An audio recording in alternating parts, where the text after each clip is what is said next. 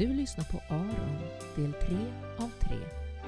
Jag, Mia Kamit, ska nu läsa färdigt min andra novell Aron för dig. När vi lämnade Aron i förra avsnittet hade tre veckor passerat. Helt och hållet pausat från det verkliga livet med arbete och en inövad och pågående verklighet. Han är en på nytt född ny människa tillsammans med den härliga Anna-Karin som inte begär något annat av honom än att vara välmående, nöjd med sig själv och tillvaron. Nu vaknar han upp ännu en gång ur sin trans och kastas tillbaka till någonting som aldrig mer kan bli som förr. Han måste återvända till Lilly och vardagen och vara modig nog att reda ut sitt haveri och från sin urspårning hitta en ny vettigare väg in i framtiden. Är du med? Det hade nu gått tre veckor sedan Aron lämnat sin portfölj vid soptunnan och cyklat bort i det okända. 21 fantastiska helande dagar. När han vaknade denna morgon var sängen tom. Ingen Anna-Karin. Och han blev genast stel och klarvaken. Lappen på kaffebryggaren var rart skriven. Hon hade ett par ärenden i stan och skulle vara tillbaka någon gång under eftermiddagen. De få gånger hon åkt iväg tidigare de här veckorna hade varit korta besök till mataffären och alltid efter frukost då han hade varit vaken och förberedd. Han kände sig barnslig för att han kände sig så övergiven, sviken på något underligt sätt.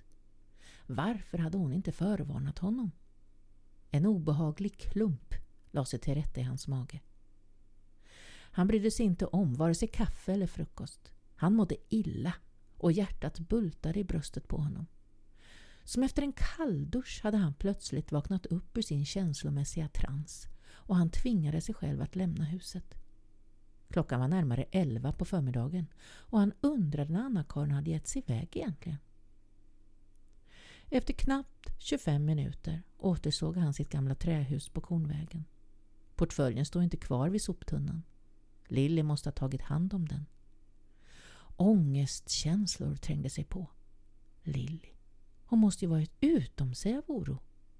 Hon hade kanske till och med ringt till polisen och anmält honom saknad. Jobbet likaså.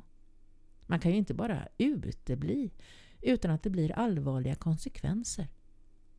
Dörren till huset var låst. Det var märkligt.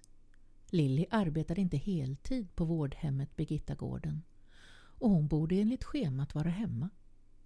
Tanken slog honom plötsligt att tiden inte hade stått stilla medan han varit borta. Lille hade funnits här väntande och undrande och övergiven. Han hade ingen husnyckel. Som tur var hade de lagt ut en reservnyckel i uthuset. Klassiskt placerat över dörren hängande på en liten spik. Det luktade igenkännande när han steg in i tamburen kanske lite instängt. På köksbordet stod ett vackert vykort lutad mot en liten vas med prickblad.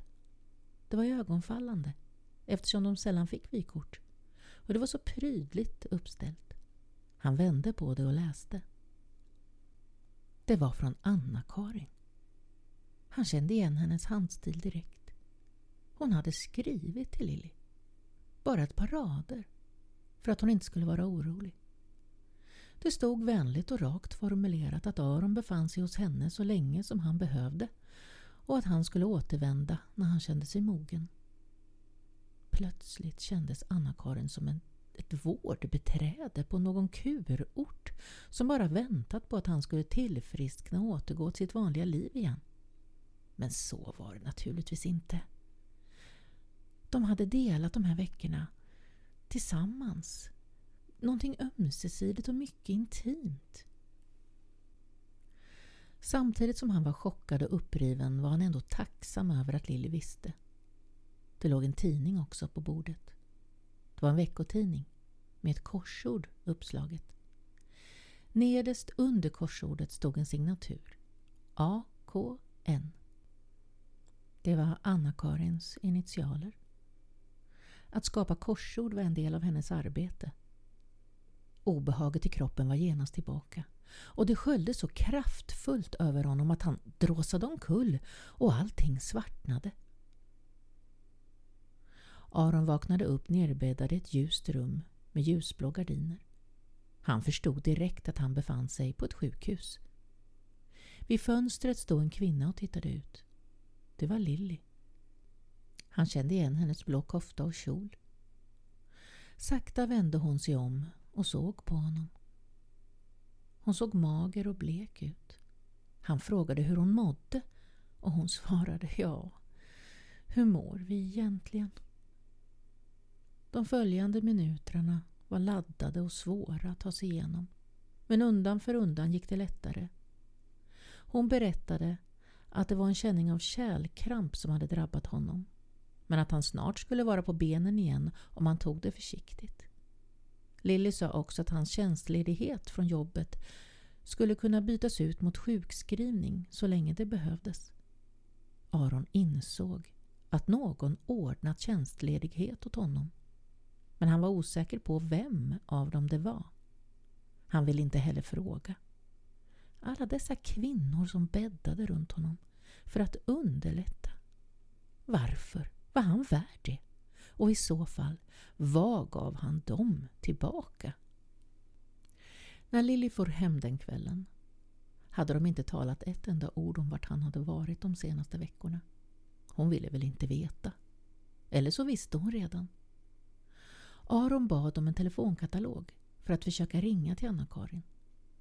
Hon stod inte med. Han hade inte den blekaste aning om hennes nummer. Eller hur han skulle få tag på henne så länge han låg där han låg. Den natten ägnade han många timmar åt att fundera på vad han visste om Anna-Karin egentligen. Hon var 53 år gammal och arbetade hemifrån åt en veckotidning. Om eventuell familj eller anhöriga visste han inte ett dyft. Hela deras relation var uppbyggd på hans behov och livet här och nu. En förvirrad tanke undrade till och med om hon fanns på riktigt eller bara var något som hans fantasi hade konstruerat. Några dagar senare var Aron tillbaka hemma hos Lilly igen. Hon servade honom och tog hand om hemmasysslorna och snart var de tillbaka i gamla hjulspår igen. Tyst, blått och trevligt. Veckan gick och det blev helg och dags för mattor och dammsugning. Men Lilly hade sagt ifrån. Han fick inte anstränga sig ännu. Aron hade redan börjat förbereda sig i fantasin på sin söndagstur med cykeln. Han var tvungen att få träffa Anna-Karin. Tänk om Lilly skulle säga ifrån. Och skulle han åka ändå? Plötsligt kom Lilly med bilnycklarna i handen och sa att hon var tvungen att åka och handla. De hade ingenting hemma och hon skulle vara tillbaka om några timmar. Det var knappt bilen hade hunnit lämna garaget innan Aron satt på cykeln vilt trampande mot Anna-Karin. Han kände att han var svagare än vanligt men han var tvungen att orka. I hammocken låg någon. När han ropade Anna-Karin reste personen på sig. Men det var inte Anna-Karin utan en lång och smal flicka i 18-årsåldern. Hon log varmt och brett och konstaterade att han måste vara Aron i egen hög person. Han kunde knappast neka utan stod bara handfallen och såg på henne. Han behövde dock inte vara ovetande länge. Flickan satte sig till rätta med benen uppdragna under sig och gjorde en gest åt Aron att också sätta sig. Han valde att sätta sig på en en gång vitmålad trästol mitt emot flickan. Mamma är inte hemma, började hon. Jag trodde att hon skulle vara det med tanke på att jag skulle komma hem och vi inte har setts på ett tag, men det är så typiskt henne. Hon har väl fått ett av sina infall och stuckit till Frankrike ett tag.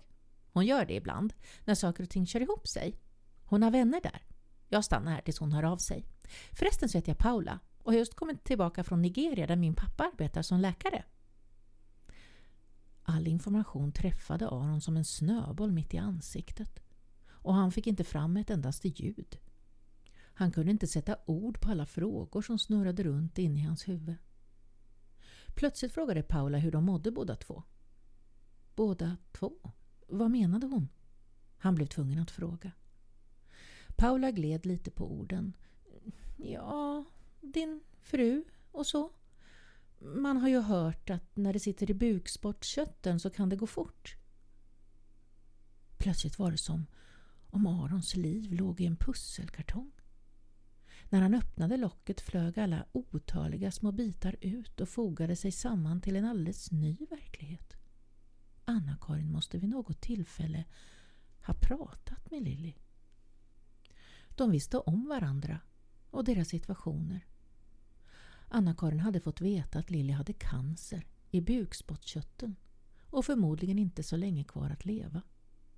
Av respekt eller bara uppriktig vänlighet hade hon stigit åt sidan för att låta Lilly avsluta jordelivet så som det hade varit förutbestämt, vid Arons sida. Hennes kärleksfulla och trogne make. Aron blev tårögd vid tanken och ställde sig upp. Han snubblade mot cykeln och hörde Paula bakom sig. Vi ses igen Aron!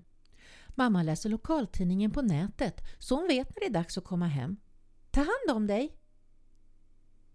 När Aron kom hem till huset brände det i bröstet. Bilen stod parkerad vid garaget. Han hörde att Lilly slamrade med något i köket. Med andan i halsen gick han in till henne. Hon stod bortvänd med uppmärksamheten i det öppna kylskåpet. När hon vände sig om såg han att hon höll ett paket blodpudding i handen. Han avskydde blodpudding och det visste hon så väl. Faktiskt det enda som han inte åt. Kan du gå ner i källaren efter en burk lingon? bad hon och hon tittade allvarsamt på honom. Han visste att hon ogärna gick ner i källaren. Där nere stod kartongerna med barnkläder som han inte fått slänga bort. Utan ett ord gick han bort till källardörren och öppnade. Det var mörkt där nere och lampan var visst trasig. Nästa steg bar inte. Det fanns inget steg att ta. Trappan var borta och han föll handlöst och landade hårt på betonggolvet. Smärtan var obeskrivlig och han kunde inte röra sig. Men han kunde urskilja konturerna av något i mörkret. Det låg redan någon där. Det var Anna-Karin. Poliskommissarie Torbjörn Larsson höjde kraftigt på ögonbrynen när han hörde vad Lukas Petersen från mäklarbyrån Petersen och Lundgren hade att berätta. Flera månader! utbrast han förskräckt. Han vinkade hetsigt till sig Johanna Dag och väste åt henne medan han gick mot dörren med mobiltelefonen tryckt mot örat. Vi måste dra på jobb! Tack för att du har lyssnat. Jag allt får sina konsekvenser.